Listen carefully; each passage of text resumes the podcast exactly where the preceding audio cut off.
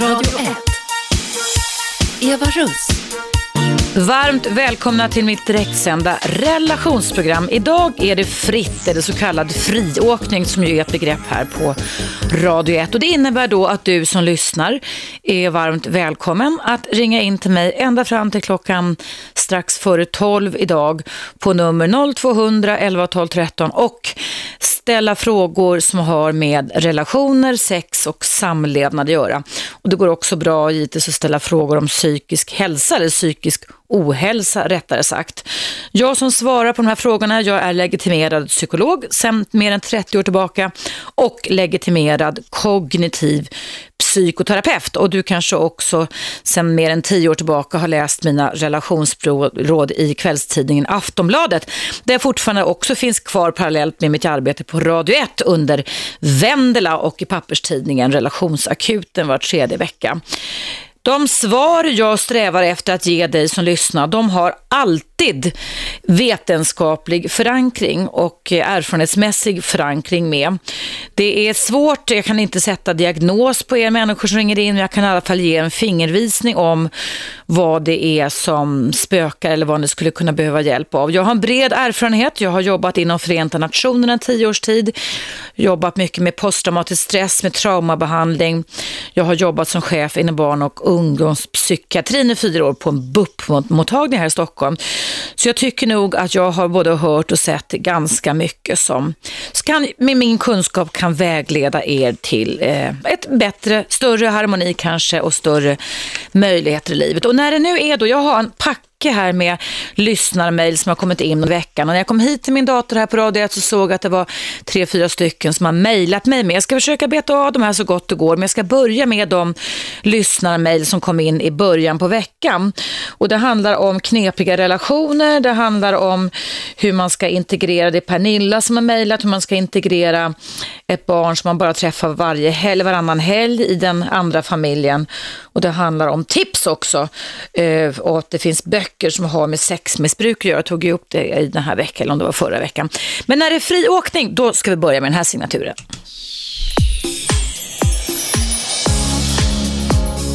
Ögonöppnaren med mm. Eva Russ. Just det. Ögonöppnaren det är en fördjupning i med vetenskaplig förklang och grund.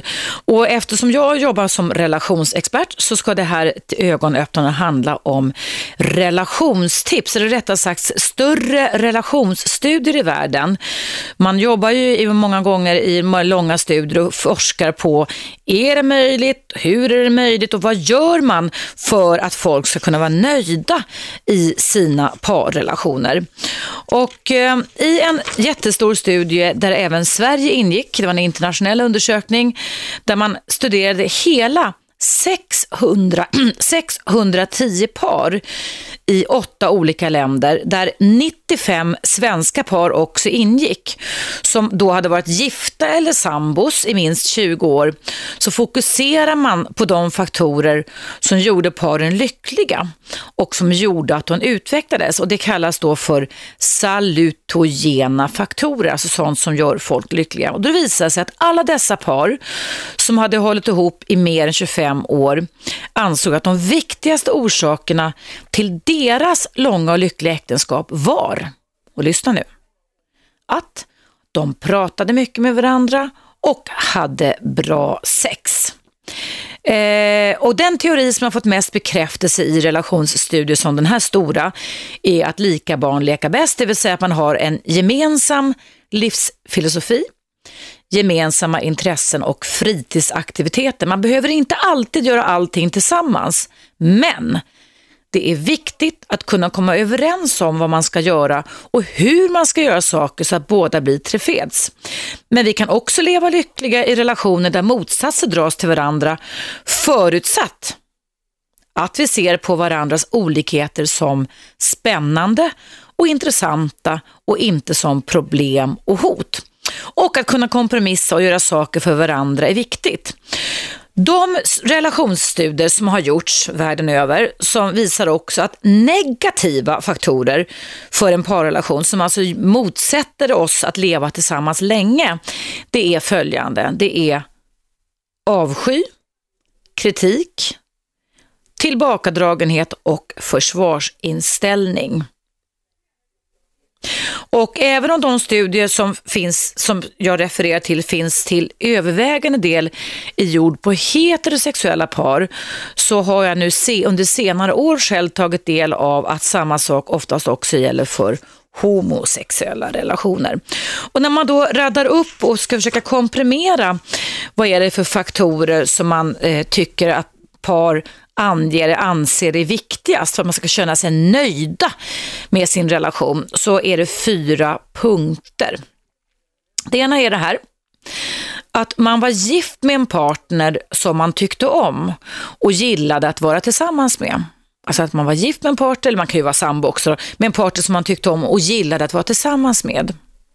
Och det andra argumentet det var att man såg på relationen, alltså antingen då samboskapet eller äktenskapet, som ett livslångt åtagande gentemot partnern och familjen. Ett commitment, ett commitment att det här är någonting som jag har fattat ett beslut kring och jag ska inte överge det för minsta lilla problem eller starka känslor och så vidare. Och Sen angav också de här paren att humor var viktigt, att alltså kunna dela känslor och kunna skratta skratta, leka och ha skoj är en väldigt viktig parfaktor. Och sen så hade man också då, eh, det angav man, att man hade samma sätt att se på de ansträngningar och mål som man hade i livet, alltså när man lever i en parrelation, samma sätt att se på ansträngningar och mål och att man också hade en väldigt god problemlösningsförmåga. Men som sagt var, initialt var det då det att långa lyckliga relationer var att man pratade mycket med varandra och hade bra sex. Och där, eh, apropå det som Gert Fylking och Kim Kärnfalk tog upp här i morse, så har jag tagit del av en stor internationell studie där man påstår ungefär att nöjdhetsgraden för ett frekvent sexliv är minst ett samlag i veckan, gärna två, helst tre, kanske fyra. Men det där kan variera väldigt mycket. Och det är ju egentligen inte sexet, sexet kittar ihop oss, men det är ju också allting annat som vi gör. Det är beröringen av varandra, det är ögonkontakten, det är den emotionella, alltså känslomässiga lyhördheten, intoningen som leder till att vi faktiskt känner oss nöjda i våra parrelationer. Mm. Det var det. Nu ska jag ta och eh, läsa upp ett första mejl. Det är tips angående det här med sexmissbruk. Det är från en kvinna som heter Kristin Rydberg. Hon skrev så här. Hej Eva! Lyssnade på eh, repriser av sändningar på Radio 1 med dig och ett av programmen handlade om sexmissbruk. En lyssnare ringde in och ville ha tips på böcker han kunde läsa om ämnet och du sa till honom att det inte fanns något bra på svenska. Jag och terapeuten Erik Sundby har i höst, det var alltså nu i höstas då, gett ut en bok på Norstedts förlag, Norstedts förlag om ämnet. Och den heter då, skriver Kristin, Det är inte kärlek när sex blir en drog. Jag repeterar, det är inte kärlek när sex blir en drog. Eh, det är den första boken på svenska som beskriver de vanligaste typerna av sexberoende. Eh, ja, och sen skrev hon lite mer till mig då och vänlig hälsning Kerstin Kristin Rydberg. Då vet ni det, kära lyssnare, att det finns en bok kring detta. Och jag har faktiskt bett Kristin att skicka, eller att förlaget skickar den här boken till mig, så kanske hon och terapeuten Erik Sundby skulle kunna gästa mitt program, tänker jag, som då har skrivit en bok om det här så att de skulle kunna eh, svara er lyssnare på ännu mer specifika frågor just kring det här. Mm. Jag ska läsa upp nu ett mejl angående det här att kunna fördela tiden för barn som man inte har hos sig i hemmet hela tiden. Jag kan tänka mig att det kan vara många som kan känna igen sig där. Jag läser upp mejlet innan pausen och kommenterar det efter pausen. Det är från Pernilla. Eh, det står så här. Hej Eva, tack för ett bra program. Jag har en son som är åtta år som bor med sin pappa pappa och är här hos mig, min man och sina småsyskon varannan helg. Det blev så på grund av avståndet och för att jag inte hade råd att bo kvar i det området när vi separerade. Pojken var då tre år. Jag ville inte slita upp sonens liv med flytt och så vidare så vi beslutade att en fast punkt hos pappan var bäst. Nu undrar jag hur man ska göra när han kommer. Pojken är alltså åtta år och Det är alltså fem år sedan de skildes. Känner att han varje gång har svårt att anpassa sig till vår vardag. Vill ju att han ska känna sig älskad och en del av familjen. Men vill inte heller ge honom specialbehandling då jag inte vill röra till vardagen för syskonen. Jag vill att han ska känna sig som en del av familjen och inte att han är på besök. Balansgången är supersvår då jag känner att han förväntar sig en massa saker varje gång och undrar ibland om jag är fel ute. Ska jag till exempel ge honom hans favoritmat, prata om en åttaårig pojke, låta honom göra lite som han vill eller som han gör hos sin pappa eller ska han följa oss? Hur påverkar detta syskonen tro? Har du några råd? Mm. Jag kommer kommentera det här mejlet ifrån dig Pernilla efter pausen som kommer här. Du lyssnar på Radio 1 och efter att jag har kommenterat Pernillas mejl så är ni som lyssnar just nu varmt välkomna att ringa in till mig eftersom det är direktsändning och numret här för att kunna få relationsråd av mig är på Radio 1 0200 11 12 13.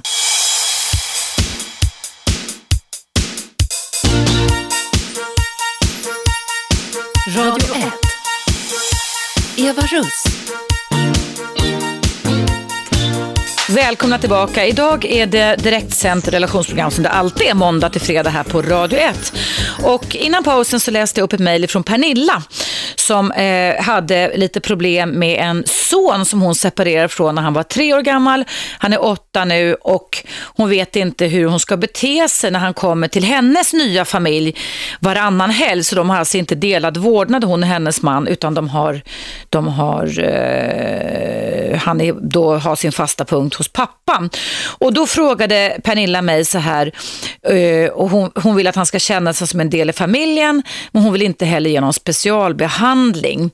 För, för hon tänker då på de nya syskonen som finns på hennes, som man säger så, hemmabas.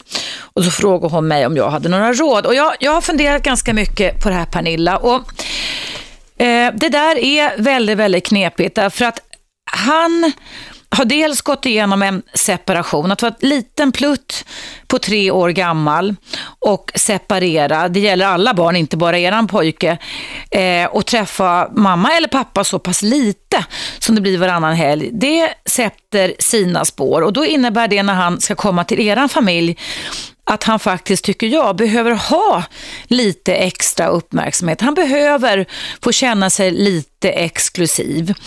Eh, när det gäller då det här, hans favoritmat och göra som man vill eller inte, så är det väl någonting du dels kan prata med hans pappa om, din exman. Eh, och det är väl inte hela världen om ni liksom skulle möta honom. Eh, de andra ungarna kanske gillar hans favoritmat med. Så att han får känna sig lite speciell. För jag kan tänka mig, när fem år nu har gått och han är åtta år, då är han inne i en utvecklingsfas i livet där han kan fundera och tänka. Han kallas i det som kallas för latensfasen, alltså det sker en utveckling, man blir klokare och klokare kan man säga när man då går i lågstadiet, vad man, hjärnan utvecklas och man lär sig massa saker. Och han noterar säkerligen det, eh, att han inte liksom tillhör er familj och att ni har egna grejer. Men jag är övertygad om att om han ska känna att han tillhör er familj så behöver du nog kanske under en period göra honom lite, lite mer speciell. Därmed inte till någon liten kejsare eller att man ska höja upp honom. Men jag skulle lätt kunna tycka att det vore ganska självklart att man gav honom hans favoritmat, det som han ville, att han fick välja lite. Eh, däremot det här låta honom göra lite som han vill, det vet inte jag vad det kan handla om. Jag kan föreställa mig att det kan handla om sådana här klassiska saker som internetanvändning eller sängtider och sådana saker. Och det tycker jag du kan ha en dialog med hans pappa om och även prata med sonen om sen när han kommer att vissa regler gäller här. Eh, barn är ju anpassningsbara så att man kan ju ha två olika familjer där man har eh, olika regler. Det bästa i alla världar är givetvis då om det kan bli bra regler. Men sen frågar du också här eh, hur detta kan påverka hans syskon. Ja, eh, allting som vi gör påverkar oss på ett eller annat sätt. Men om ni inte får in honom i gruppen, för du känner ju då i er familj att den här lilla åttaåringen inte känner sig som en del i en familj. Eh, så kommer ju syskonen som är på hemmaplan hela tiden också att känna det som att han bara är på besök. Um, i den bästa av alla världar, eh, jag tror jag uttalat det i, det kommer i ABC-nytt ikväll 19.15 och SVT, ett inspelat reportage faktiskt, så har jag sagt att det bästa skulle vara när man nu bildar nya familjer, det är att man skulle kunna lägga ner ordentligt med teambuilding. Och det här låter ju väldigt eh, konstigt, kanske väldigt arbetsrelaterat, men alltså när man ska ta in mina barn och dina ungar, man ska liksom få en familj att funka när det gäller bonusfamiljer, styvfamiljer, så skulle ju alla parter vinna något helt otroligt på. Att till exempel kanske åka bort en månad eller ett par veckor på en semester där man verkligen umgås i olika eh, loop looper med varandra, att man pratar om ta tankar och känslor, man pratar om regler, man lär känna varandra, man kan dra sig tillbaka lite, man kan skratta ihop, man kan göra saker ihop. Att man alltså får en, lägger grunden för en bra familjekänsla helt enkelt, för den kommer inte automatiskt. Och, och jag tycker att du också, i och med att du har pojken ändå åtta år, att du kan också fråga honom lite, va? vad tycker han själv skulle behövas för att han skulle känna att han var en större del av uh, gruppen. Eh, de här syskonen som finns, som har dig hela tiden, de tycker jag att du ska vara mindre oroad för. Men det gäller, jag har själv faktiskt erfarenhet av det här att, som jag sa med begreppet citat, en liten kejsare, att man givetvis hittar en avväg. Men det kanske är så att din son behöver exklusiv tid med dig. Om han kommer kanske en fredag och stannar till på söndag, då kanske du och han ska göra någonting tillsammans på söndag. Bara du och han, så han får ha mamma för sig själv. För han har ju blivit av med dig när han var tre år gammal och har levt med sin pappa. Och sen kommer han till er familj varannan helg och ser att hans nya syskon har dig alltid och så har de en pappa som han alltid har. Så det kan ju lätt bli i tankarna på barn faktiskt det här att man känner sig lite försmådd, lite utanför, att man inte är så värdefull och viktig. Och det är väldigt, väldigt viktigt då att både ha en dialog om det här, att återförsäkra din son och så vidare. Eh, jag tycker absolut att man kan ge honom hans favoritmat, men reglerna ska du prata med hans pappa om. Ehm, och jag tror att det gäller att du får lov att släppa hans småsyskon som du uppenbarligen har med den nya mannen någon av dagarna och bara du och han. För jag tror att han har mammabrist. Jag tror att han, precis som barn kan ha en pappabrist, jag tror att han har mammabrist och han behöver känna att inte kanske konkurrera alltid, det gör han ju ändå om man är där från fredag till söndag, men att han behöver ha mamma på fyllning, precis som barn på samma sätt kan behöva pappa på fyllning. Så jag tror att om du lägger ner lite mer tid på detta, tar med din nuvarande man det här.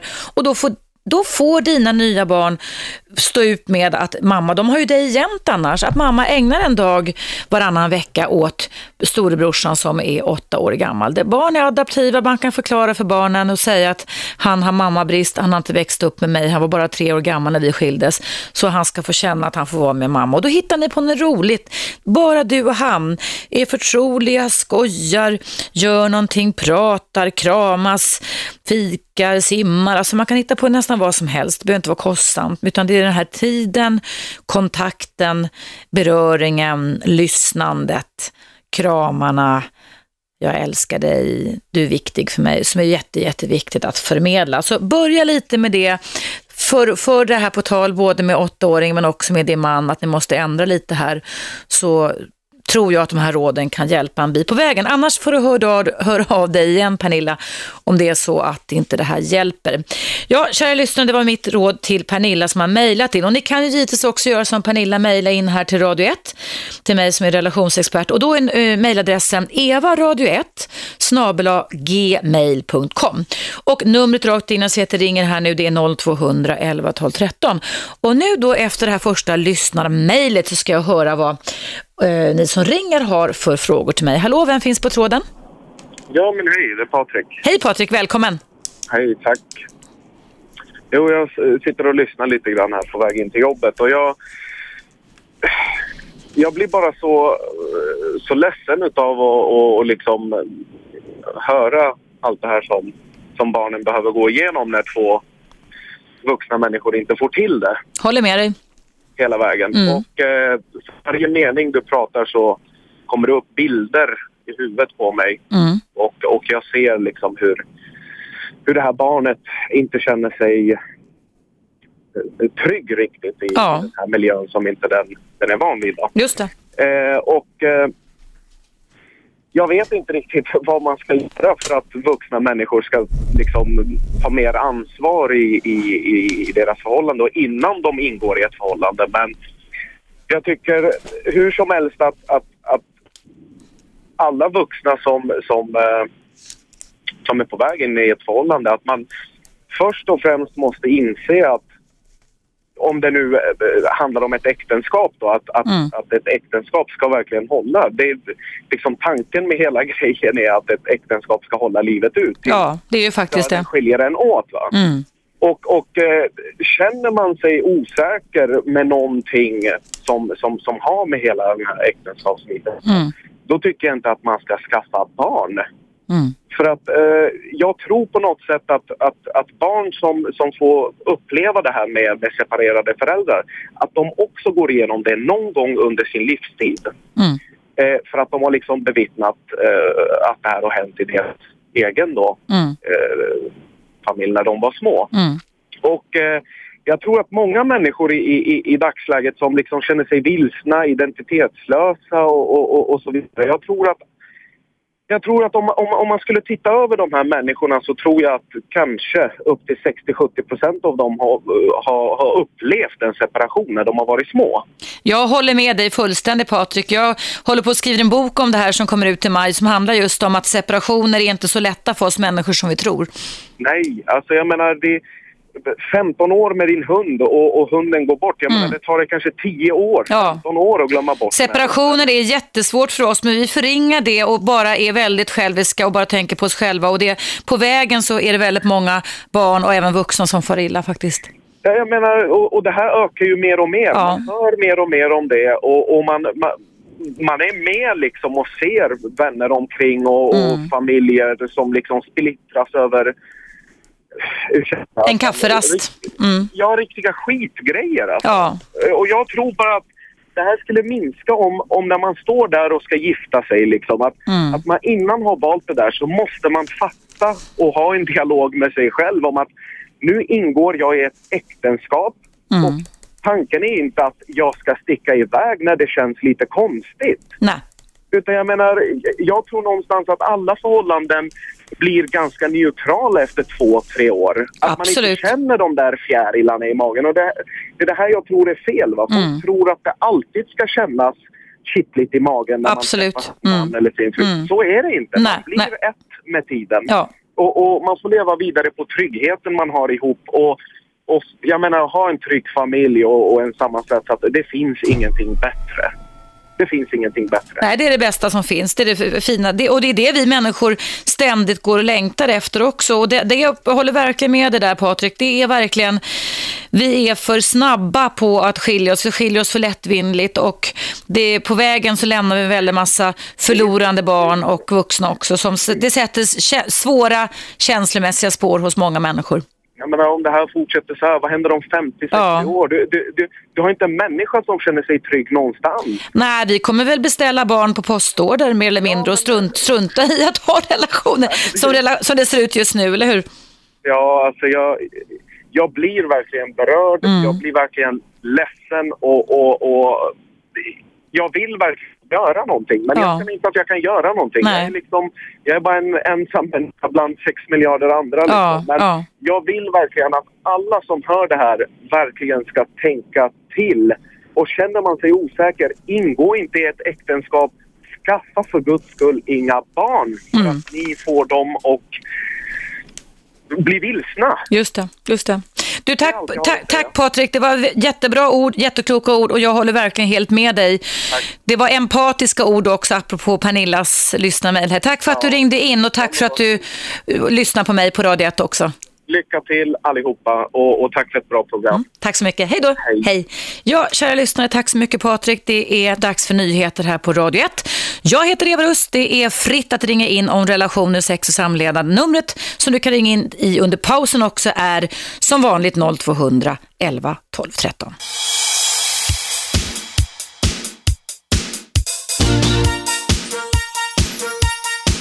Radio 1. Eva Russ. Välkomna tillbaka. Idag är det friåkning kring relationer och samlevnad och jag har Janne som ringde in i pausen på tråden. Hallå Janne! Hejsan! Välkommen! Hej, tack. Jo, jag hade två frågor Mm. och uh, ta upp. Jag börjar med uh, sexmissbruk. Mm. Och eh, min fråga är där, är missbruket att man vill ha olika partners eller har man stark sexualdrift? Och jag kan svara på den med stark sexualdrift. Eh, när jag själv var könsmogen så hade jag enorm eh, sexualdrift till som kling, började klinga av när jag började göra lumpen och det var väl, tror jag, mycket beroende på mycket fysiska aktiviteter. Va? Mm. Jag hade hemskt eh, svårt att koncentrera mig i skolan. Jag hade bara sex i skallen. Jag kunde inte koncentrera mig att läsa. Va? När du var pojke eller ungdom om man säger så. Ja, Alltså, när man gick eh, könsmogen åttan, nian och Ja. Full, fullt normalt skulle jag vilja säga. Fullt normalt. Ja. Ja, jo, men det är ingen som nämner det där. Alltså, en del då klarar av att gå gymnasium med bra betyg och, där, och jag klarar inte det. Jag fick gå vuxengymnasiet när jag hade lugnat ner mig. Va? Men menar du att det hade att göra med att du var besatt av tankar Ja. på sex? Eller? Ja, ja, Jaha, ja. okej. Mm. Det, det var en ren, alltså, jag hade bara det i skallen. Då. Jag önskar att det fanns en tablett att kunna minska behov, liksom, för Mm. det, det var plågsamt. Men, men var det bara tankar eller var det också handling i sex som det gällde för dig, Janne? Ja, man fick ju hjälpa sig själv för att Ja, lugna ner sig. ja, ja, ja. Men det var liksom plågsamt till slut. Mm. Eh, och ja, min, min fråga då, det här med sexmissbruk. Mm. Är, är det att man vill ha olika partners? Att det är någon drivkraft att man måste byta det grönare på andra sidan staketet? Eller är det sexdriften? Jag skulle vilja säga att det kan ta sig i sken på olika sätt faktiskt. Att det kan vara både, jag har mött många sådana klienter, att det både kan vara det här att man är besatt av sexdriften och sexlusten gör, den drivs oftast av bakomliggande känslor som kan ha att göra med ångest, rädsla, panik eller vrede. Och att man känner och tolkar det som att nu måste jag ha det här för annars kommer jag krevera mer eller mindre. Va? För jag känner, och då kan det ibland inte spela roll vem man ligger med utan det är att man får göra det som är det viktiga. Så då kan man vara promiskuös, alltså ha sex med många olika partners. Eh, sen kan man ju ha, ha, vara sex, sexmissbrukare genom att sitta och onanera så att man eh, eh blir skinnflådd mer eller mindre om man är man till exempel. Det kan man ju bli som kvinna med. Framför tv eller, eller framför dator om man har porrsajter och sådana saker med. Eller att man checkar in, man lever i en parrelation och har ett sexliv som den andra motparten kanske tycker är bra. Alltså det är inget större. Men sen när vederbörande person hamnar i något känslomässigt tillstånd som triggar igång den här driften så kan man inte hejda sig utan då är man tvungen att hoppa över skacklarna och eh, träffa andra partners helt enkelt. Men det har väldigt mycket med känslor att göra, sexmissbruk. Ja, det här stämde inte in på mig riktigt. Nej, Eh, inte när jag var yngre. Nej. Och inte sen heller. nej. Eh, en andra fråga. Mm. Och den är kontroversiell och den är mycket besvärlig att ta upp och diskutera för det där kan man nästan bli ovän. Mm. Och det är eh, om det är en rättighet eller inte. Alltså i vissa kulturer så är det en rättighet för mannen att ha sex med sin fru oavsett om hon säger nej eller inte. Och eh, nu tänker jag eh, inte på andra kulturer så mycket men jag tänker på de som är handikappade och har svårt att träffa en partner och så vidare. Det är legalt att gå på massageinstitut, vad, eller vad heter det, inte institut, vad heter det? Eh, ja, eh, Thai-massage Ja. och sånt här. Att man masserar hela, hela kroppen utom den där lilla delen då mellan benen. Va? Då är det stopp och belägg. Va? Då är det kriminellt. Det, men alltså det är ju, du, vi är ju födda med den där känslan. Ja. Och den där njut, det är en njutning. Precis som allt annat på kroppen om du masserar klian på ryggen så är det en njutning. Och det har då vår lutherska lära säga att det är fan eh, förbjudet. Och eh, det är ju kriminaliserat idag.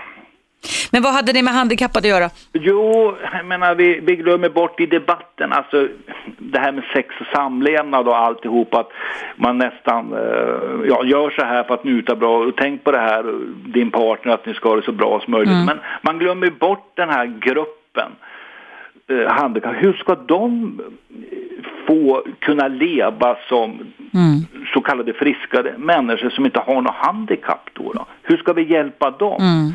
Men då blir det helt plötsligt kriminellt. Ja, du menar så. Du, jag såg ett program, ett fantastiskt program för något år sedan på tv. Tror att det var TV4 eller TV3 som handlade, jag tror att det var från Holland där man ha, eh, gav till människor som hade funktionshinder eller var rullstolsbundna så var det helt okej okay att vårdarna, om de ville, kunde ge sexuell stimulans åt dem. Mm. Eller då köpa sig en prostituerad. Och det var, det var alltså eh, väldigt fint gestaltat. Alltså när man såg det i hela sin kontext så blev det, när man såg det just gestaltat så, som en, självklart som du är inne på Janne, en rättighet. Och de vårdarna då som tog hand om de här funktionshindrade fick ju själva avgöra, eller välja, det är inte så att man ska vara tvungen att ge sexuell stimulans om man inte vill, men de som uttalade sig till tv-programmet, och jag har ingen aning om, jag minns inte alls vad det hette, tyckte liksom att ja, det här är lika naturligt som att ge de här människorna mat och dryck. Liksom. Att, att, man, att man hjälper dem att få en orgasm då och då också, och närhet. Ja, alltså det, det, var ganska fint. Det gav en tankeställare i alla fall ja, till våran ja, syn. Man tänker efter, alltså det, mm. det, det är en njutning av den känslan mm. och kroppen eller sinnet blir ju tillfreds ja. efter en orgasm. Ja. Det vet ju alla som har fått det. Och, och, och ja, då kan ju många säga, ja men de kan väl fan hjälpa sig själv. Ja, men hur fan roligt är det under hela sitt liv? Alltså man vill ju... Men det är en del som inte kan kanske också, nej, man är så pass nej, handikappad nej, så det inte funkar. Nej, precis. Liksom, mm. Och um, de måste ju vara i frustration, men det är mm. ingen kvällstidning de som tar upp det här. Eller, nej. men ingen nämner den här grejen. Va? Men, mm. Och jag förstår varför. Därför att det är olagligt att ta mm. någon annan mellan benen mm, om, mm, om det nu skulle vara var, alltså, mm, mm. ja, men Det är en intressant aspekt, men nu har ju du tagit upp det här och det är ja. många som lyssnar på Radio 1, ja, Janne, så det kanske... Någon annan som har någon annan kan, ja visst, det kan väl upp, uppmana folk att ringa in om inte ja, annat i och med att det är friåkning då. Du, du, Janne, tack så jättemycket för ditt engagemang och för att du lyssnar på Radio 1. Ha en jättebra dag. Hej då, hej. Hörrni, det är dags för, eh, ny, nej det är inte nyheter, det är dags för en liten paus här på Radio 1. Efter pausen så kommer jag fortsätta här i mitt direktsända relationsprogram att läsa upp lyssnarmail eftersom det är friåkning kring relationer och psykologi, psykisk hälsa eller ohälsa idag. Numret rakt in till mig, Eva Russ, är 0200 11 12 13. Vi hörs efter pausen som kommer här.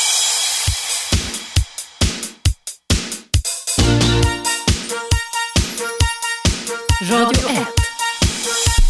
Eva Russ. Välkomna tillbaka. Det är friåkning kring relationer, sex och samlevnad idag. Det är bara att ringa in här på nummer 0200 11 12 13 och det är precis vad Charlie har gjort. Hej Charlie!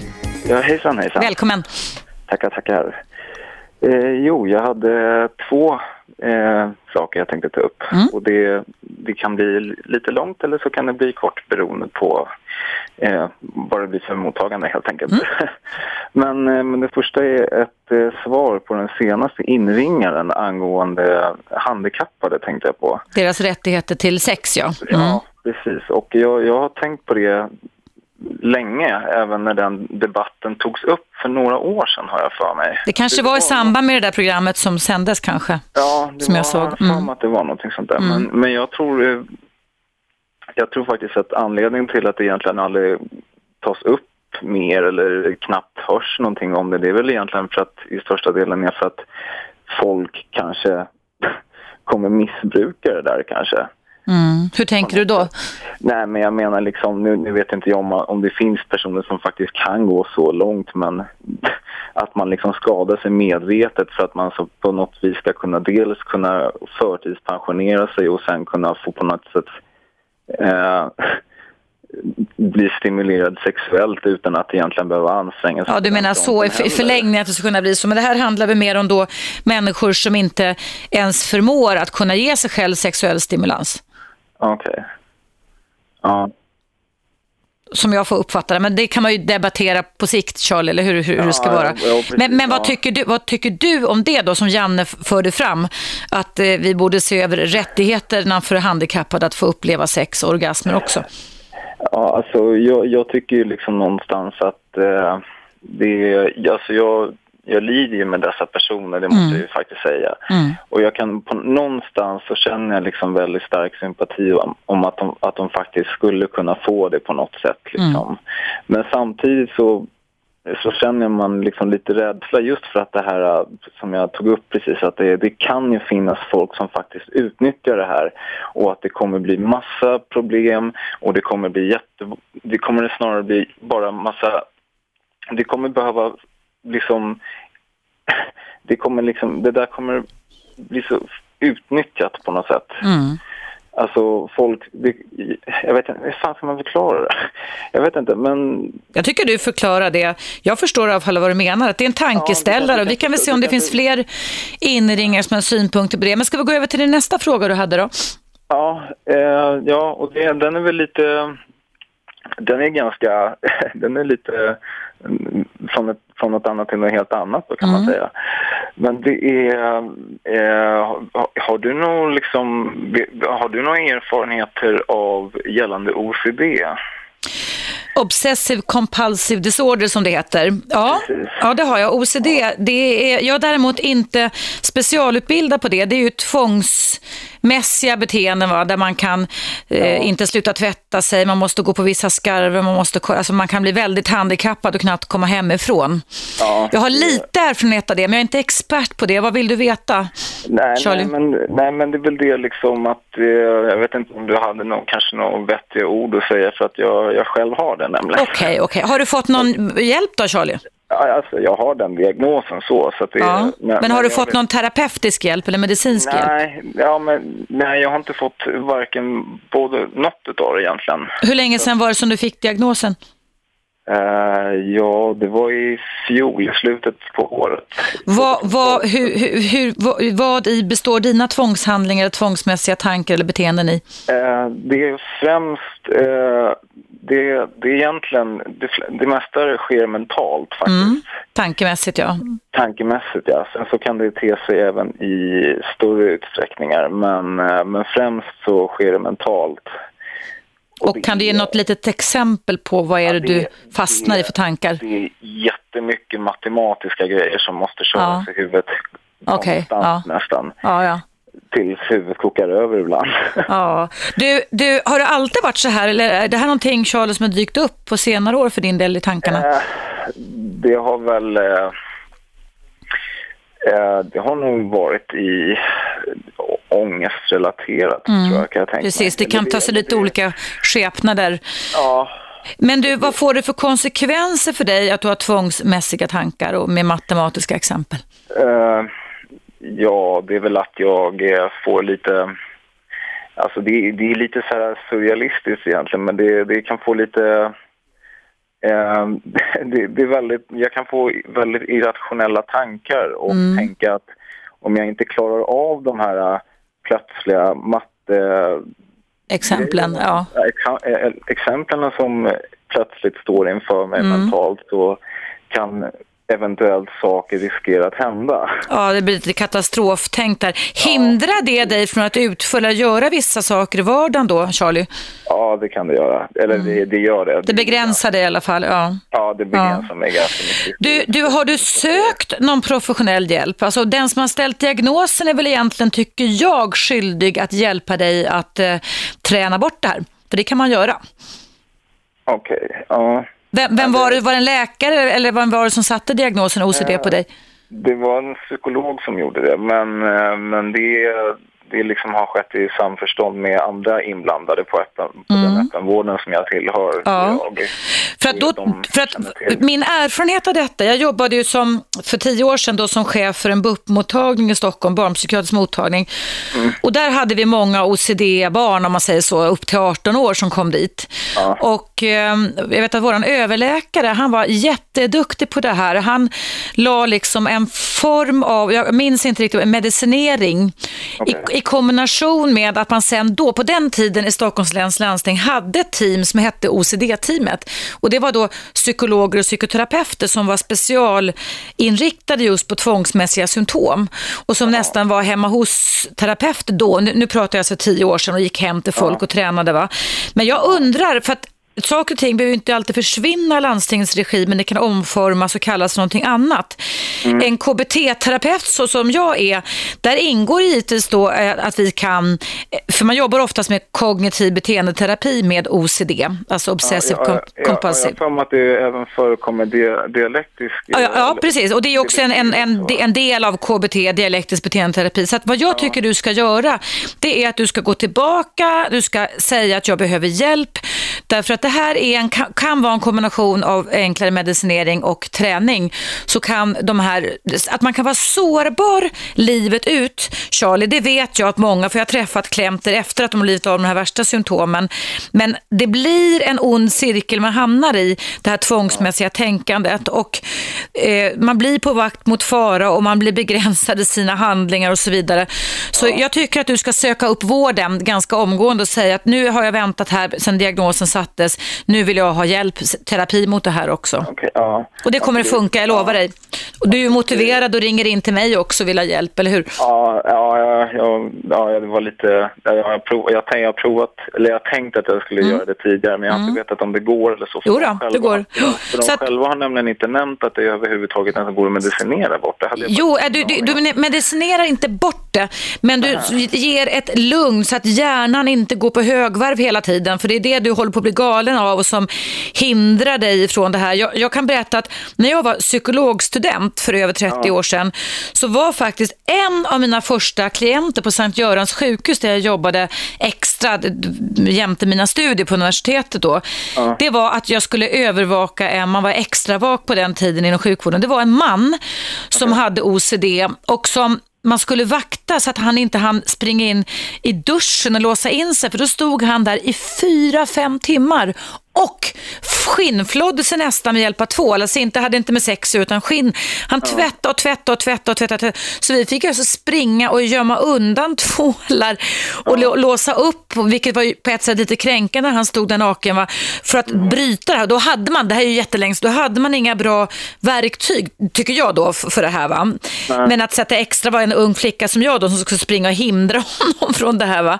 Ja. Men, men nu idag, så många år senare, så finns det jätte jättebra behandlingsmetoder. Det finns många böcker om det här som jag har läst i min utbildning. Men, Jaha, det finns böcker om det också? Eh, det finns böcker om det också. Det finns, jag letar just nu i huvudet.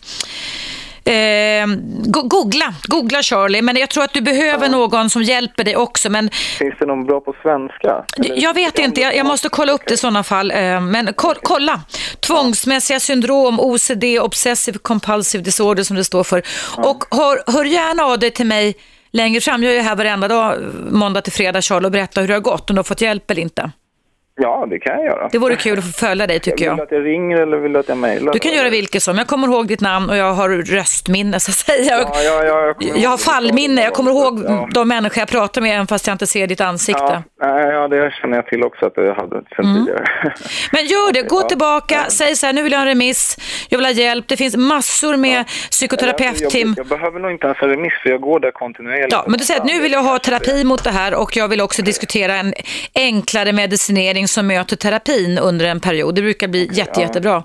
Okay, ja. Prova det. För, ja. för, för, till och med, för, för ibland så kan det till och med liksom gå så långt att jag inte ens kan kan, kan laga mat. För att Nej, jag, förstår det. liksom. ja, därför att du blir så upptagen, hjärnan kokar som du säger och det är bara ja. matte, matte, matte.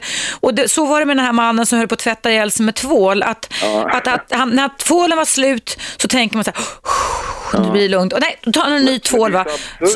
Ja, det, så han kom inte utanför dörren. Han kom inte utanför dörren va. Och jag på BUP när jag jobbade där, då hade vi ju, kommer ihåg, en mamma och en tonårsdotter om jag inte minns fel. Det här var jättelänge sedan. Ja. Där man liksom hade det här i släkten lite. Va? Att både mamma och mormor du vet, hade kollat kontakter och sladdar och det var en sån överdriven oro man har växt upp med. Så att den här ja. tonårstjejen, eller om det var en kille, jag minns inte, men i alla fall kunde inte gå till skolan. För att hon var så besatt av att hon måste kolla allting hemma, att allting var okej. Okay. Ja. Men då gjorde vår doktor så att då gick han hem och började, då för tio år sedan, med hemma hos-behandling och medicinering. Och det blev mycket, mycket, mycket bättre. Va? Och det handlar mycket också om avslappning avslappningsövningar faktiskt i och med att hjärnan går upp upp i en otrolig arousal-nivå så att man känner sig nästan bränd, eller hur? Ja, det kanske det skulle vara någonting jag kan kolla upp också. Kolla upp det lite kan... också, mindfulness, alltså avslappningsövningar. Jag kan ha det här är klassiska nämligen, alltså som man skrattar åt det själv. Liksom. Mm. Men det är det här att man, man står när, när jag ska lämna ytterdörren, liksom, jag, det kan ta en halvtimme för ja, mig innan jag det förstår jag. kommer iväg. Ja, det är så för de som har OCD. Det, ja, det, det, och det är för jäkligt, men det kan man träna bort. Så lova att du står på det nu. Jag är legitimerad psykolog och legitimerad psykoterapeut och ganska god erfarenhet, ja. även fast jag inte är expert på det. Och säg att du har pratat med mig eller pratat med någon så att säga, som rekommenderar dig det. Ja, nej men eh, Toppen. Jag, jag, jag, ska se om jag kan våga, våga ringa igen om det. Ja, lycka till. Tack så jättemycket för din öppenhjärtighet Charlie. Lycka ja, till. Hej då. Ja, hej, hej. hej. Vad fint Charlie. Jag hoppas verkligen att du går iväg och får den hjälp du behöver. Ja, kära lyssnare, det är dags för nyheter. Du lyssnar på Radio 1. Det är direktsänt relationsprogram och idag så är det friåkning. Det innebär att du som lyssnar, precis som Charlie och Janne, har rätt att ringa in och ställa frågor som har med relationer och psykologi eller ohälsa att göra. Eh, jag är då psykolog och psykoterapeut, inte doktor ska jag säga då. Men numret rakt in till Radio 1 är 0200 11 12 13 och ehm, Ja, det går bra att eh, ringa pausen. Jag ser att det är någon som ringer här. Lägg inte på utan jag tänker prata med dig nu när jag trycker på pausknappen.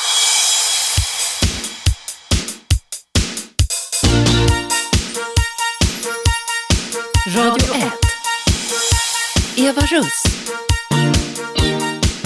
Ja, varmt välkomna ska ni vara. Jag pratade med en man här i pausen ska jag säga som ut här nu så som eh, ville ha tips på hur man så står på sig. Och jag tycker över, generellt sett så är det så att man hör, i alla fall när jag hör er ringa in här till Radio 1, att det är eh, lite si och så ibland med den rådgivning eller den behandling eller vård man får.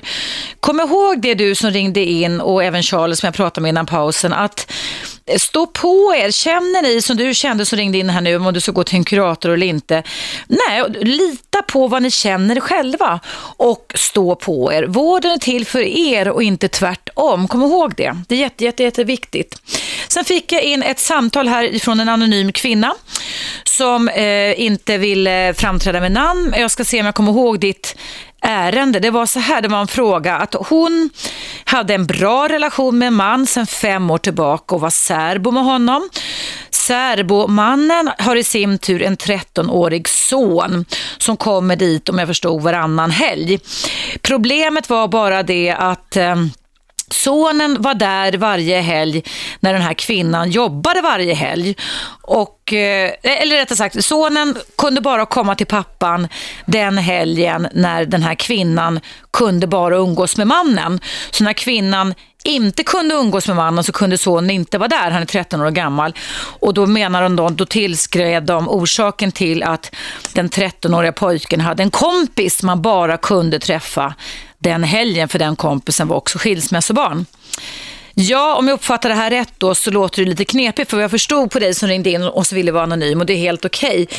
Så blir det ju så då att du träffar din särbo sedan fem år alltid med den 13-åriga sonen, att det finns ingen flexibilitet överhuvudtaget. Och det är ju lite illa tycker jag. Jag tycker det är illa, illa. Eh, lever man eh, i början i en parrelation när man får in en ny partner så tycker jag att det är viktigt att man sätter barnens behov i första hand. Då måste den här pojken varit åtta åtta år ungefär när ni träffades. Men sen vart efter barnen blir vana vid dig och fem år är en ganska lång tid eh, så tycker jag nog alltså att det måste finnas en viss form av flexibilitet. Men det är klart att 13-åriga sonen har väl en mamma antagligen då som han bor hos eller pappa som, som får man väl säga då som kanske också behöver det här, men det här är ju ett vi-problem och inte ett du-problem tycker jag. Jag tycker att du har mandat, även fast du är särbo, att faktiskt be att få träffa din partner, för annars blir det ju aldrig att ni får någon helg tillsammans. Sen kan man ju träffas i veckorna med. Och jag tycker någonstans också att en 13-åring kan faktiskt vara med på det. De är på väg att bli vuxna. De kan bli galna om de inte får bli behandlade som vuxna eller barn. Man pendlar väldigt mycket mycket. Eh, too young for boy, too young for toys som man brukar säga om den här mittemellanperioden. Men jag tycker att dina behov, eh, anonym kvinna, också är viktiga och eftersom du känner dig frustrerad över det här så är det väl på tiden att ni för det på tal och då tycker jag nog också att du lever med en man som har barn va? och att även om han nu har skyddat sin son och sett till att han ska ha det så bra som möjligt så har han ändå sedan fem år ingått en relation med dig och där måste ni kunna på, du måste kunna känna att det finns någon respons, någon påverkan, någon slags flexibilitet. Flexibilitet och god anpassningsförmåga är viktiga aspekter i en relation. Vi får inte fastna i låsta positioner och säga det har alltid varit så här, det ska alltid vara så här. Och det säger också all äktenskaps och relationsforskning att ju mer flexibla vi är, ju mer vi är öppna för nyheter, alltså att ompröva olika saker, desto mer större hållbarhet och roligare egentligen kan vi faktiskt också få det tillsammans. Mm. Nu ringer det här och jag ska se vem det är som ringer in till mig. Hallå, vem finns på tråden? Är det Eva? Ja, det är Eva. Hej. Hej, det är Stina. Jag hoppas du inte ringer. Jag tycker att jag ringer för ofta. Nej då, jag har inte hört dig en enda gång den här veckan, så det är lugnt för min del. Hur är läget med dig då, Stina? Jo, det är så här att jag har haft det här jätte, jättelänge. Att till exempel allt som har med kors att göra jättejobbigt. Om, om jag är bortbjuden och de bjuder på mat och sen någon av de här andra gästerna har lagt sin gaffel och kniv i kors. Jag rättar till det fast det är vilt främmande människor ibland som inte jag känner, bara min väninna känner dem.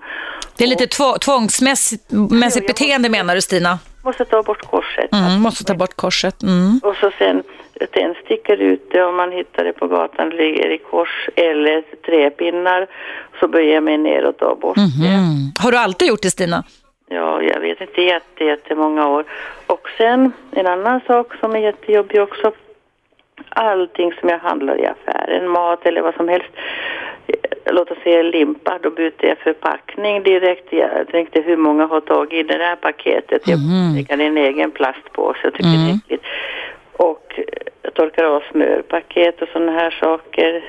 Lite basil, basilskräck där, eller basilfobi, ja. ja och också sen att, att, att när jag går hemifrån mm. kollar jag tio, först kollar jag dörren flera gånger, rycker i hand. Sen tar jag och när jag kommer ner och kollar har jag verkligen lagt ner nycklarna i väskan och mm. måste gå upp och titta om, de inte, om jag inte hittar dem för det är mycket grejer i väskan. Mm. Och eh, vad heter det? Tvätta händer efter allting, efter mm. allting, varit på toan i köket. Om jag har tagit i någonting eller gjort någonting, det har blivit lite bättre men allt ska jag tvätta händerna mm. efter och de är mm. uttorra. Och sen att eh, jag kan aldrig vända mig till vänster om jag ska svänga, alltså gå åt ett annat håll. du måste ha högersväng alltså? Ja. ja. Men du, det här, alltså, det, det, det, låter ju jättejobbigt va? Och vi människor kan ju ha tvångsmässiga beteenden som vi kan leva med. Jag kan ju faktiskt själv erkänna att jag ibland, när jag är stressad, så kan jag bli sådär så jag springer och kollar om jag är större än fyra, fem gånger, inte mer kanske va. När jag var barn, för oftast kan man få det här vid åtta, nio års åldern. Jag bodde inne i stan då, då var jag tvungen liksom att kliva på vissa trappsteg. Alltså annars var jag tvungen att börja om igen och det tror jag många känner igen sig med att man kan hålla på. Men, men du, tycker du att det här handikappar dig på något sätt Stina? De här... Det är jättejobbigt just ja. när det är främmande men att rätta till deras gaffel. Och... Ja det förstår jag, de måste bli ganska förvånade i alla fall. Det är många som tycker att det är coolt. Min dotter har det ändå värre men jag kan inte gå in på allt. Alltså, ja, så det, det är lite ärftligt också faktiskt på tvångsmässiga beteenden kan man se. Var din mamma så här då Stina? Nej, absolut inte. Hon var helt tvärsom. Men alltså lite ohygieniskt tycker jag. Men så att dottern kan klorintvätta golven när hon har haft gäst. Oj då, oj då. Ja, det är riktig basilfobi eller basilskräck.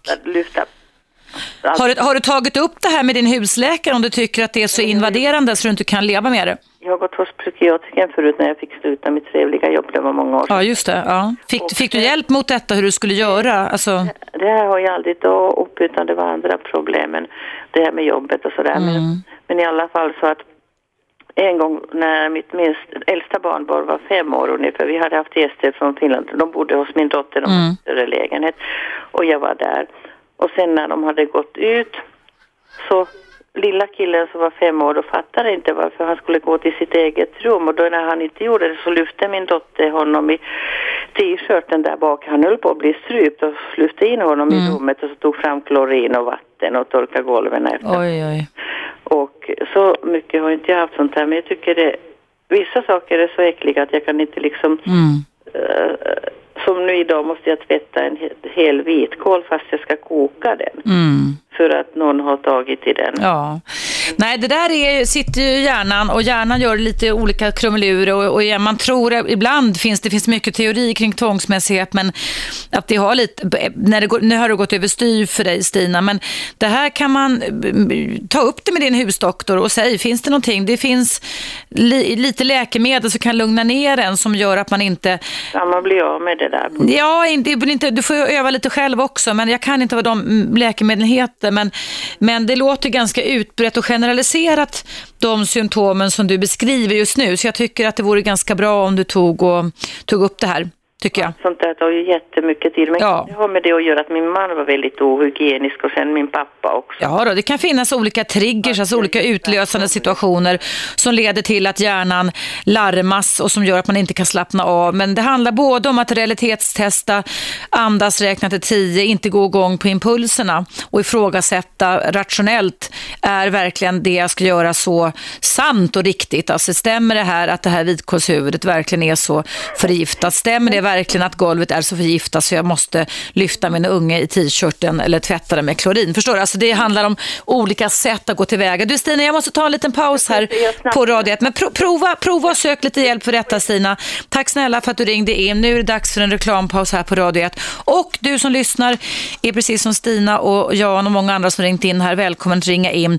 Numret är 0200 11 12 13 och det handlar om eh, friåkning kring relationer, sex och samlevnad.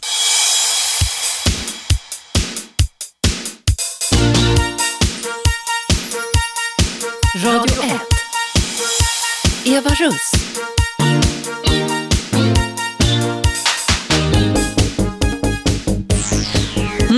Hörni, välkommen tillbaka. Jag kom in lite sent här för jag hade en man som heter Sammy som ringde in och du lyssnade säkert på mitt program och du var på väg in på ett möte.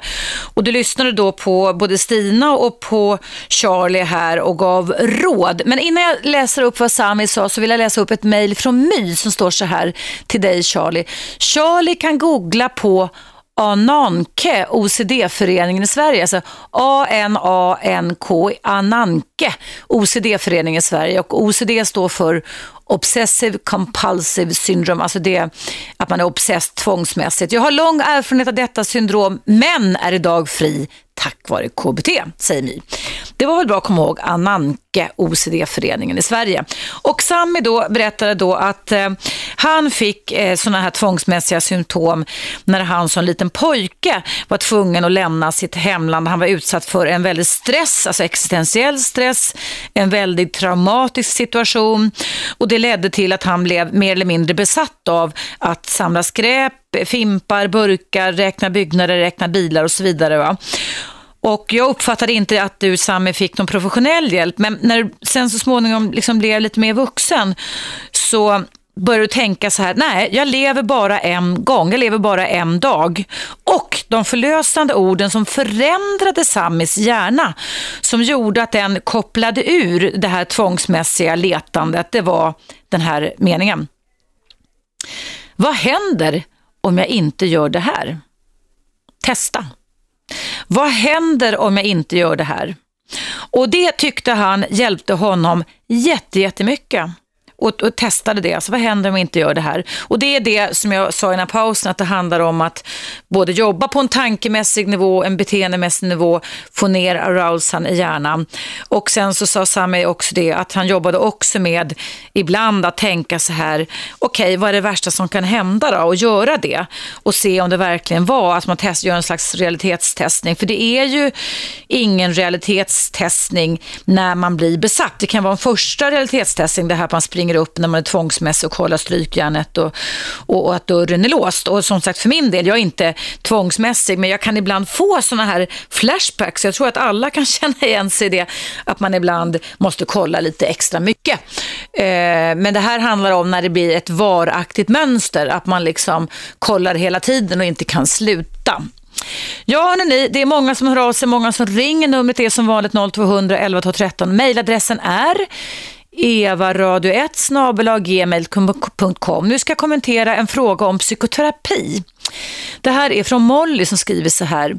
Hej Eva, du coachade mig angående min relation, men jag har en liten undran. Är det verkligen rätt terapi KBT?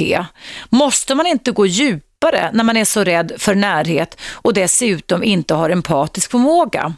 Alltså svårt att förstå med känslorna, andras känslor. Hon pratade om sin pojkvän vill jag tillägga, Molly. Och så skriver Molly så här.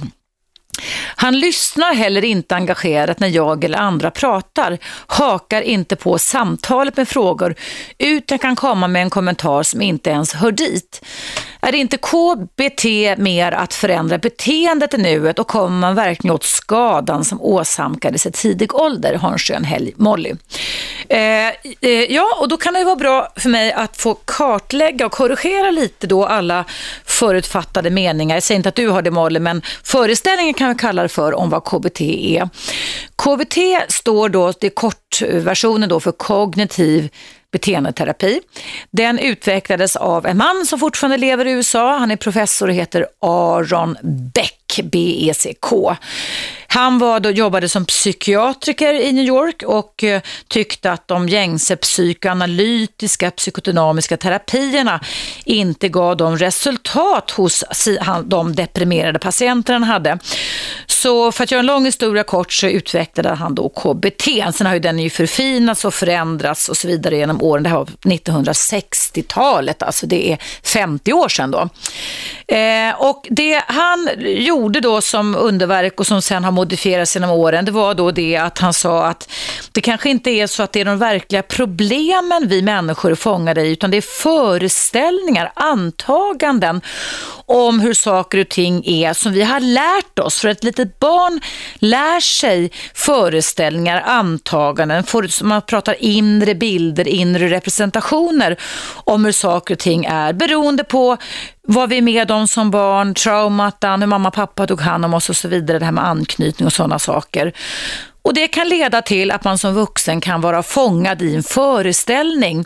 Och Föreställningar dras man emot och ibland så funkar vårt psyke så att vi omedvetet vidmakthåller olika typer av föreställningar och inrättar våra beteenden utifrån dem.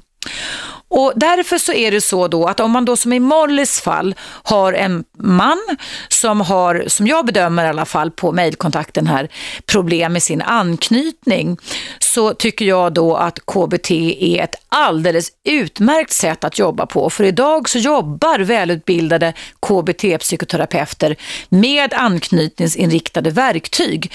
Eh, man tränar sig till exempel när Molly skriver i mejlet så här att han inte pratar med andra och inte lyssnar engagerat och inte hakar på. Då är det precis perfekt det som jag skulle göra om jag hade honom hos mig. Jag skulle kavla upp mina armar och jag skulle träna honom inne i terapirummet på att bli uppmärksam på eh, och vad, han, vad som sker i hans inre när han inte, alltså är han inne i sin egen drömvärld.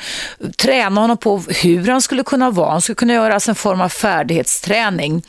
Och eh, jag skulle öva honom i empati, det kan man göra. Och jag skulle träna honom. Jag skulle nog tro att det skulle gå en 20-30 gånger i en anknytningsrelaterad KBT-terapi att hjälpa Mollys man att funka bättre. Eh, därför att psykodynamisk psykoterapi som bara fanns på den tiden när jag utbildade mig till psykolog, vi pratar 70-tal.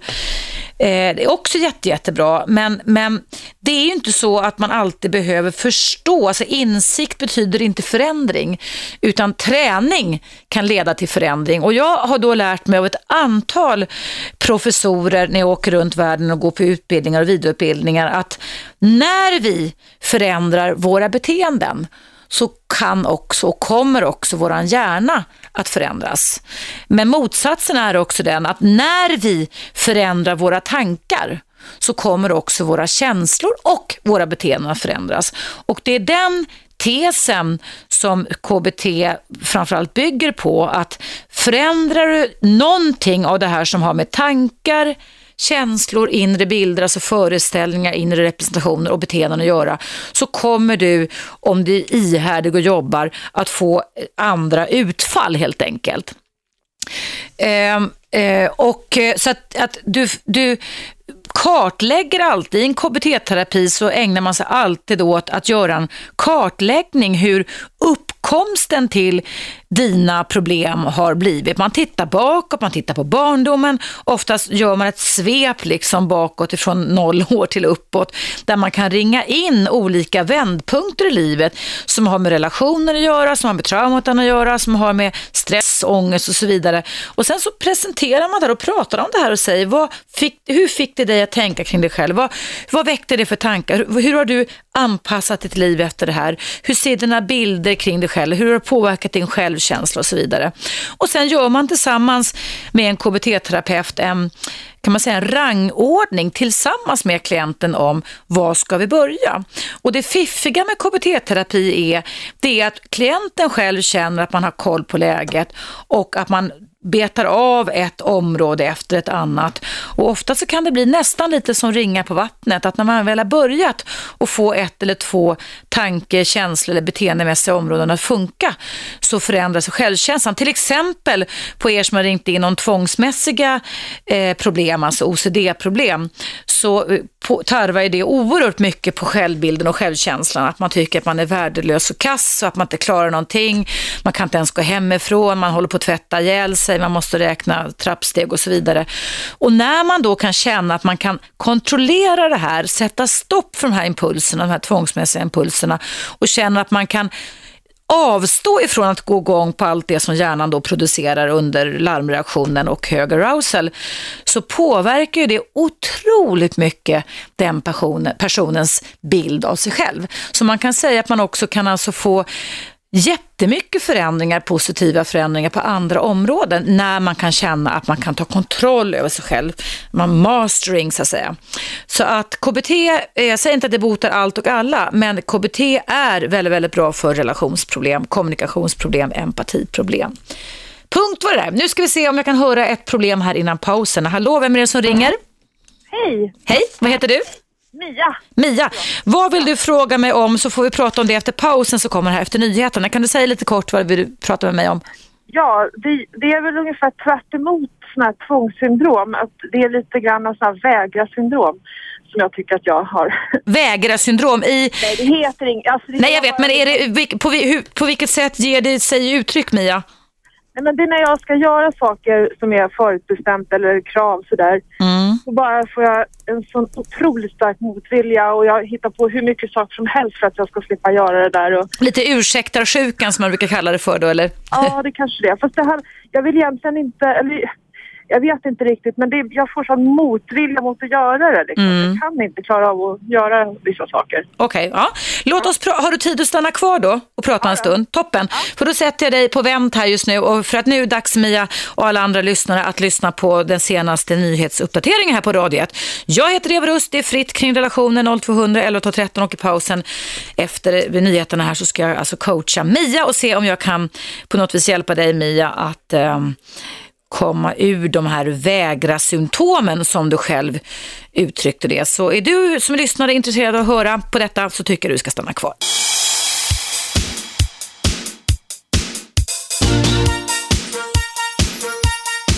Radio 1. Eva Russ. Välkomna tillbaka ska ni vara. Det är friåkning kring relationer idag och jag ska alldeles strax börja coacha Mia eller se om jag kan hjälpa dig på något sätt. Hallå Mia!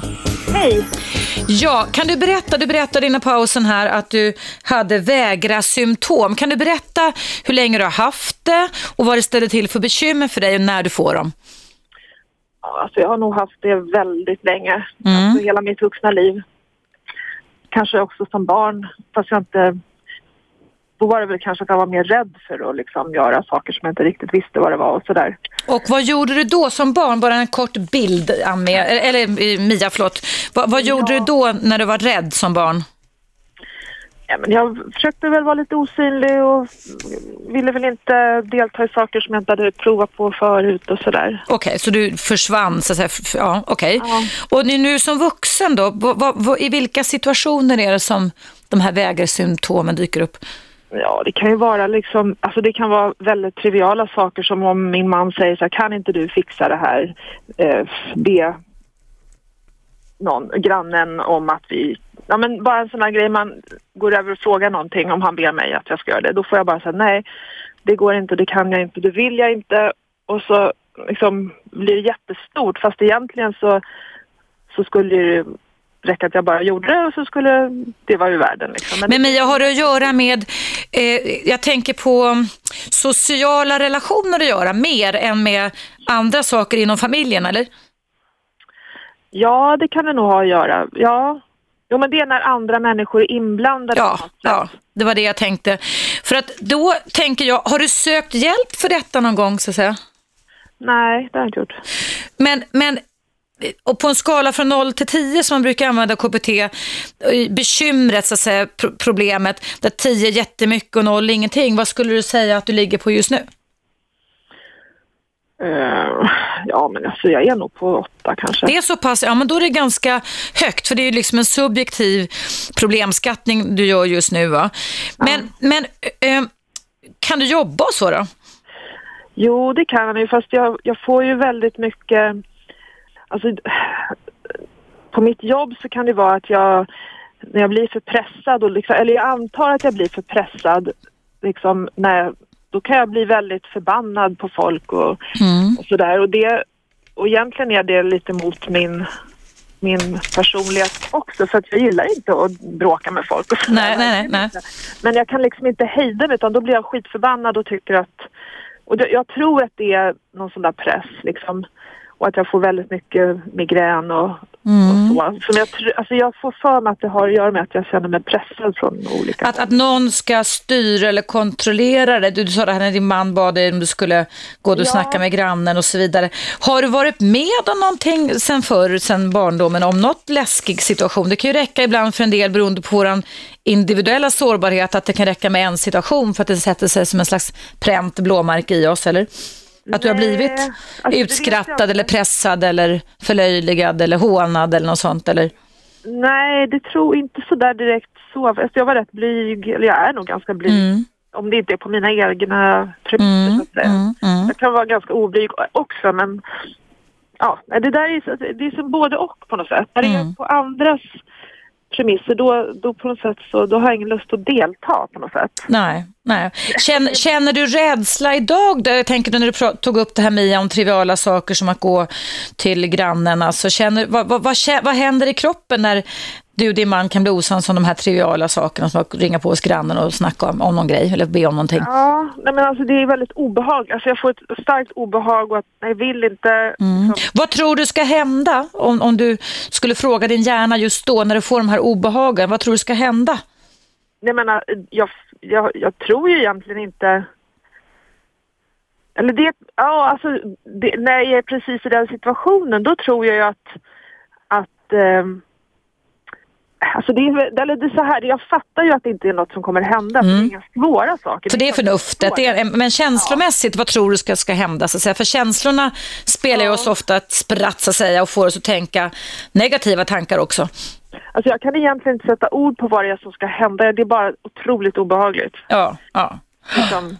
För att vad jag tänker då på, nu har inte jag min lilla röda bok, jag glömde den i morse här ja. med mig, för det är en sån här diagnostiseringsbok. Vad jag får tankar kring i alla fall, det är möjligtvis någon form av social fobi-inslag, förstår du? Alltså ja. möjligtvis som du lätt skulle kunna både läsa på lite om. Det finns en jättebra bok skriven av Anna Kover. Hon är psykolog och psykoterapeut eh, som heter social... Jag säger inte att det här är en renodlat men jag säger att det skulle kunna vara lite det va. Att man, du liksom har på något omedvetet, medvetet sätt inpräntat en bild av att eh, någonting förfärligt ska hända om du ska göra saker som du själv inte har kontroll över. Förstår du? Det kan vara lite ja. tvångsmässigt i det också va? Ja, men precis.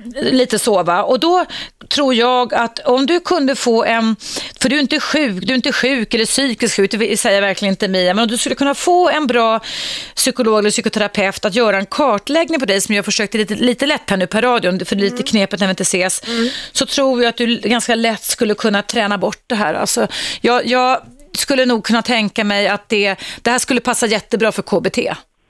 Får jag fråga så, kan Mm. man vara, ha social fobi? För jag har också tänkt, liksom, när jag har lyssnat Mm. på dig tidigare och du har Mm. pratat om det, så tycker jag att det stämmer så väl. Men kan man ha social fobi fast man gillar att vara social när det är ens egna... Ja, det kan vara vissa, för då har du lite kontrollen, förstår du? Alltså, och när man tappar kontrollen, eller när man tror man ska tappa kontrollen, så, så rids man av otroligt mycket negativa tankar, förvrängningar och gör varje situation som blir en utlösande faktor så läskig så att det låser sig i en. Va? Så det kan få, man kan ha olika symptom. Jag har jobbat mycket med social fobi genom åren och den kan ha väldigt lika men också väldigt olika sätt, förstår du? Ja. Och du behöver inte vara högst på skalan för social, det låter det verkligen inte så. Men ett tips tycker jag det är att låna den boken, Anna Kåve. Den heter Social fobi, att känna sig granskad. Och någon undertitel, men du kan googla på det. Jättebra bok, det kan man läsa om. Och sen kan du fundera lite om det. Det, det går att komma till rätta med. Jag har till och med mött människor som har tränat bort den själva faktiskt. Va? Det handlar om att ifrågasätta om de tankar och känslor man har i stunden verkligen stämmer. Det handlar om att för rädslan eller paniken kan ju ibland pumpa runt inom oss så att vi liksom tänker orealistiskt, eller hur? Och där kan man ju ha en del magiska tankar som också kan ha lite tvångsmässighet, Mia. Att, eh, det här, det, så- som man måste ifrågasätta. Det är det man gör i KBT. Man lägger upp det på bordet och granskar och vrider och vänder och försöker byta spår. Liksom. Så att fundera på detta och gå om inte annat till din husdoktor när det blir lite mer klarare och säga att du kan ha konsulterat en sån som mig och att du vill ha hjälp. För 8 av 10 på en skala som problem, då är det ganska högt tycker jag. Jo, Men det där kan du träna bort. Det där är en sårbarhet kan man säga som ställer till bekymmer för dig och så ska du inte behöva ha det i långa loppet. för, för, vad kan det bero på? Ja du, det kan bero på allt ifrån en liten gen, gensårbarhet, inte att nu genfälla, så att, att man uppväxten, man har olika temperament när man föds. Eh, Du kan ha varit med om någonting du inte kommer ihåg, för vi har ju inte koll på alla minnen. Vi har någonting som heter implicita känslominnen, alltså omedvetna känslominnen. Eh, Det kan vara någon i skolan, som någon situation där som du inte heller minns, som skapade den här rädslan hos dig, som förbereder dig lite mer för flykt, förstår du? Och att det låser sig i det. Va? Så det behöver inte alltid vara så här jätteförskräckliga jordbävningar, förstår du? Eller traumatiska situationer, utan det är en kombination av personlighet, sinnesstämning, temperament, gener och sociala faktorer, ska jag vilja säga. Ja, ja. Men det går att träna bort, så ge inte upp utan ta tag i nya tag, googla lite och skaffa lite mer kunskap. Och eh, om du skulle bli bra och du får hjälp så får du gärna ringa hit igen och berätta hur det har gått. Det är alltid kul att få höra. ja. Prova det Mia. ja tack, Tack för, att du, ja, tack för att du ringde in. Lycka till, trevlig helg. Hej då. Detsamma. Hej, hej. Hej, hej. Ja, kära lyssnare, det är dags för en liten paus här på Radio 1. Det är friåkning kring relationer. Jag ser att det ringer här, lägg inte på. Numret rakt in i studion till mig, Eva Russ, är 0200 11 12 13. Vi hörs efter pausen som kommer här.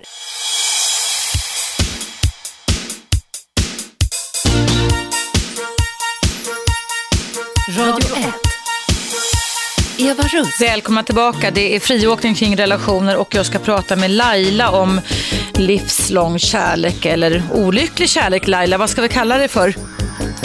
Ja, olycklig. Ja, du berättade för mig i pausen, jag kan bara rekapitulera det, att Ja. du, när du var 21 år gammal och kom från ett annat land så träffade du ditt livs kärlek. Ja, det stämmer. Och ni, hur länge var ni ihop innan era vägar skildes åt? Eh, ett och ett halvt år. Ja. Och sen varför skildes ni åt? Vi, ja, vi valde olika länder. Eh, Så var det, det var länderna, okej.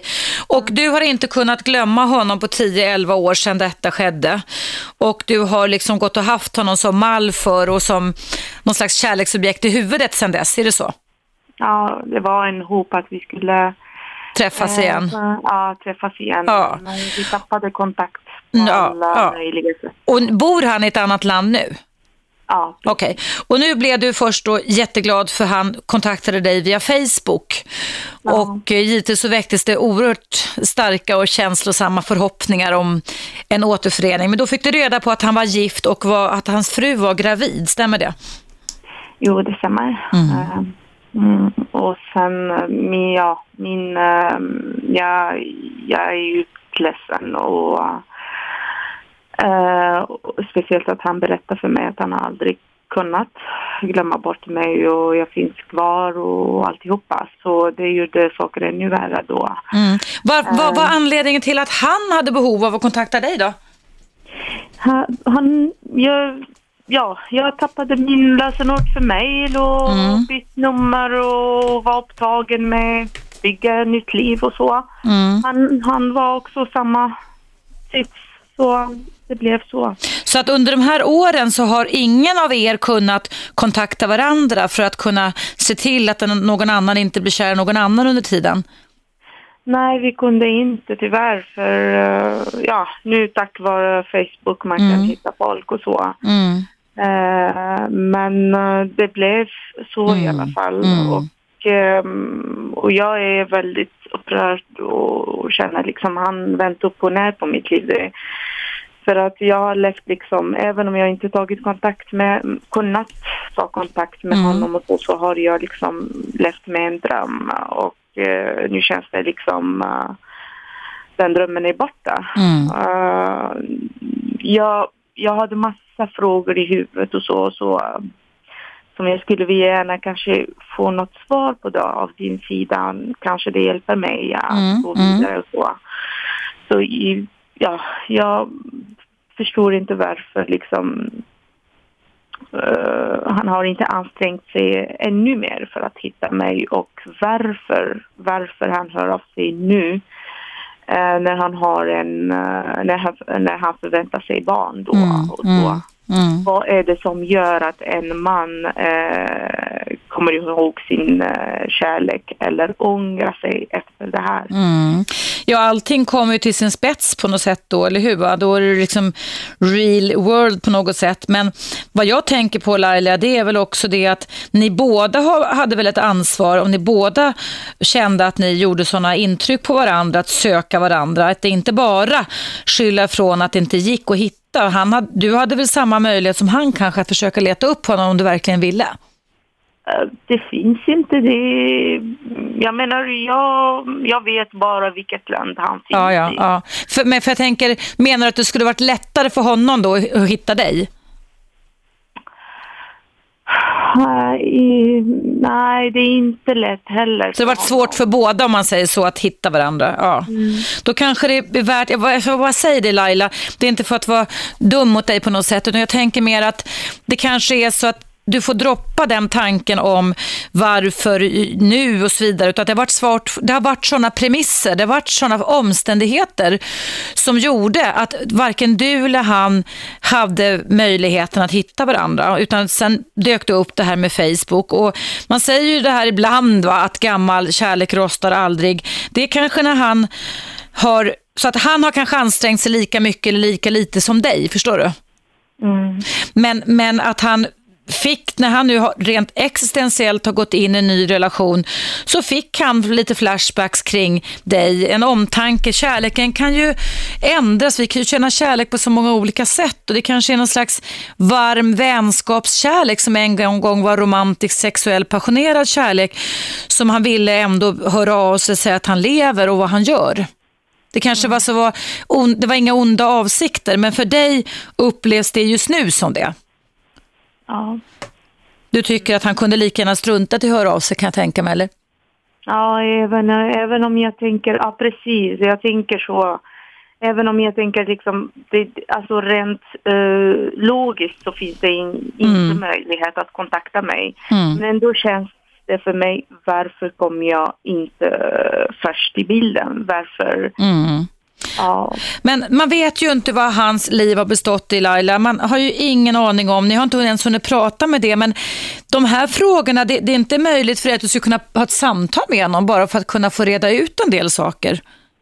mm, det, jag, jag, Be om, be om hans telefonnummer och få ringa eller så, eller?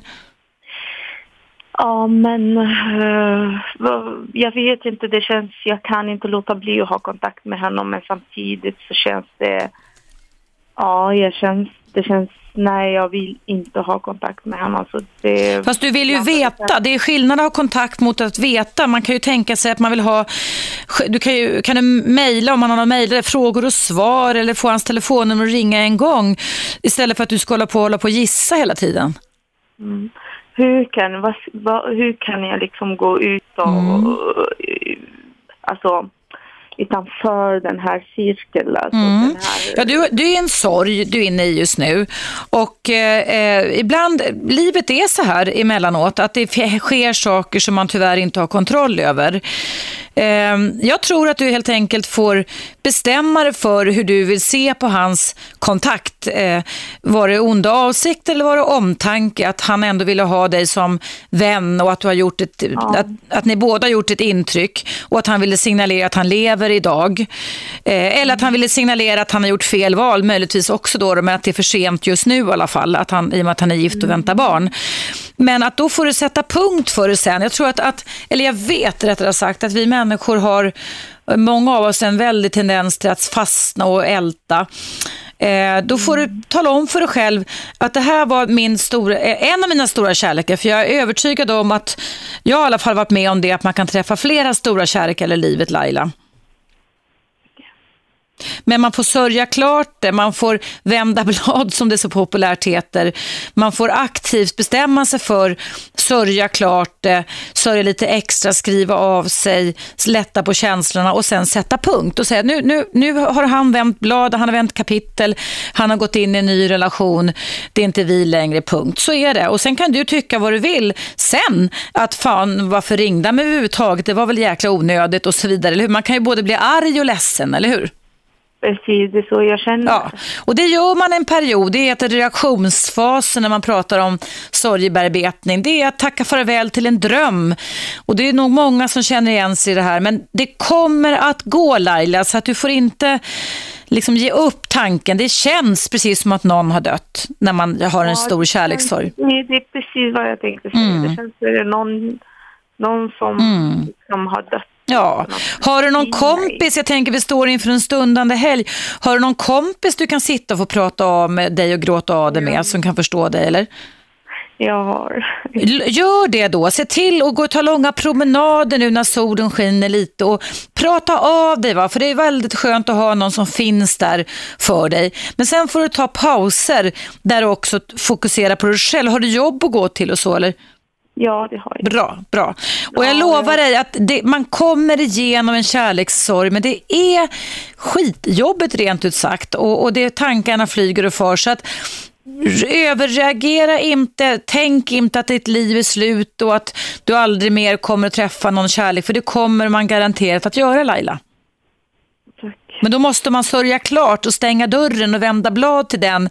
För att om man fortfarande lever i tankarna med en förhoppning och tänker på den som är omöjlig, då kommer du inte att kunna släppa in någon person som är möjlig i ditt liv sen. Förstår du? Förstår du? Ja. Och du får gärna, jag är här på måndag igen, va? du får gärna höra av dig till mig brevledes till min mail här på Radio 1 eller ringa in live och berätta hur det går så kan jag försöka coacha dig vidare. Men jag, jag, jag har upplevt svår hjärtesorg tre gånger i mitt liv. Och jag lever och mår bra idag. Och eh, eh man kommer över det, jag lovar dig det blir så. Ja, lite, ha de orden klingandes i dina öron just nu. Jag måste tyvärr avrunda programmet nu Laila. Stor kram till dig, ta det bara lugnt, prata med en kompis i helgen och ut och rör på dig mycket. Drick mycket vatten, det är nästan lite första hjälpen när man är chockad också. Och sen så får vi höras av du och jag framöver, eh, antingen brevledes eller mejlledes eller i radion för hur det går för dig, okej? Okay? Tack så jättemycket. Ja, det var så lite så. Jag tänkte, kom ihåg att det finns ett liv efter den här kärlekssorgen också. Tack. Tack. Hej då. Hej, hej. Ja, Ja, kära lyssnare, jag var tvungen att sluta här. Laila, det kommer att gå bra. Släpp fram sorgen i helgen. Och till alla er andra vill jag tacka jättemycket för mig för denna vecka.